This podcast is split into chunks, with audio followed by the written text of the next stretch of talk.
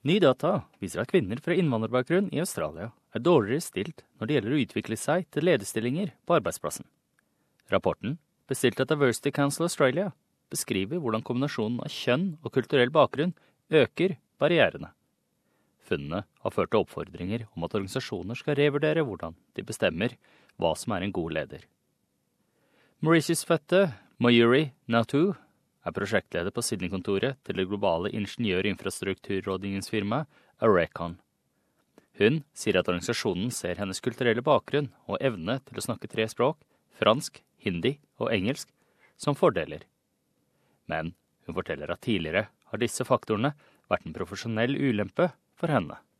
When someone, for example, comes across me for the first time, because of my Indian appearance, they immediately um, stereotype. So they assume that I can't speak very well English and I can't be assertive, um, or that I cannot lead uh, a team. So um, getting across those stereotypes is, is a major barrier and needs to be addressed. Naturs erfaring er reflektert i en ny rapport fra Diversity Council Australia. Den undersøkte over 230 kvinner fra kulturelt mangfoldige bakgrunner som er ledere eller lederemner i australske organisasjoner. Resultatene tyder på at deres vei til toppen er mye vanskeligere enn for andre. Diversity Council Australias administrerende direktør, Lisa Aness, sier at dette er pga. systemiske stereotyper på arbeidsplassen. The stereotypes and assumptions that are made around culturally diverse women are very, very strong. And culturally diverse women have this double bind where behaving outside what's expected of them um, is not in their best interest. Rapporten viste at 88% av kulturelt mangfoldige kvinner hadde ambisjoner og planer å komme seg videre til en ledende rolle i organisasjonen. Men bare én av ti var sterkt enige om at deres lederevner ble anerkjent, eller at deres meninger var verdsatt og respektert. Dr. Dimitria Grautzus fra University of Sydney Business School er medforfatter av rapporten. Hun sier at ferdighetene og ambisjonene til kvinner fra flerkulturell bakgrunn ofte blir ignorert.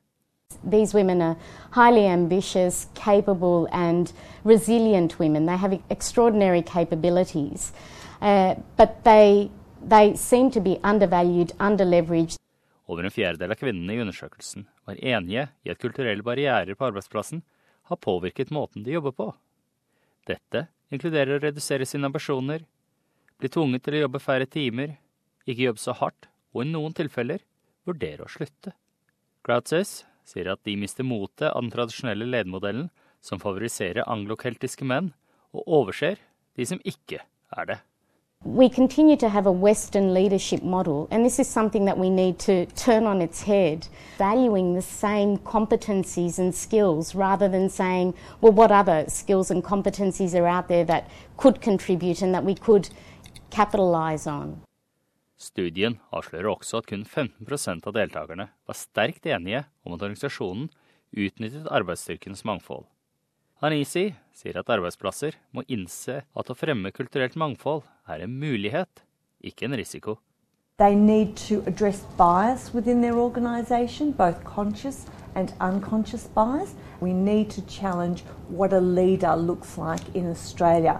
There are lots of ways of being a leader, and simply applying the standard prototype that's determined by the dominant group isn't going to cut it anymore. You will always be drawing from a narrow pool of talent. Det er en oppfordring som Mayuri Natu er enig i, og sier at australske arbeidsplasser må revurdere hvordan de i maktposisjoner blir avbildet og valgt. It is about re-evaluating what we mean when we talk about a leader and who do we want to see at the head of our companies in the near future.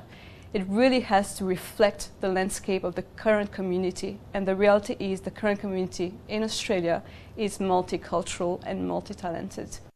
Denne saken var laget av Abby O'Brien på SBS norsk. Jeg er Frank Mathisen.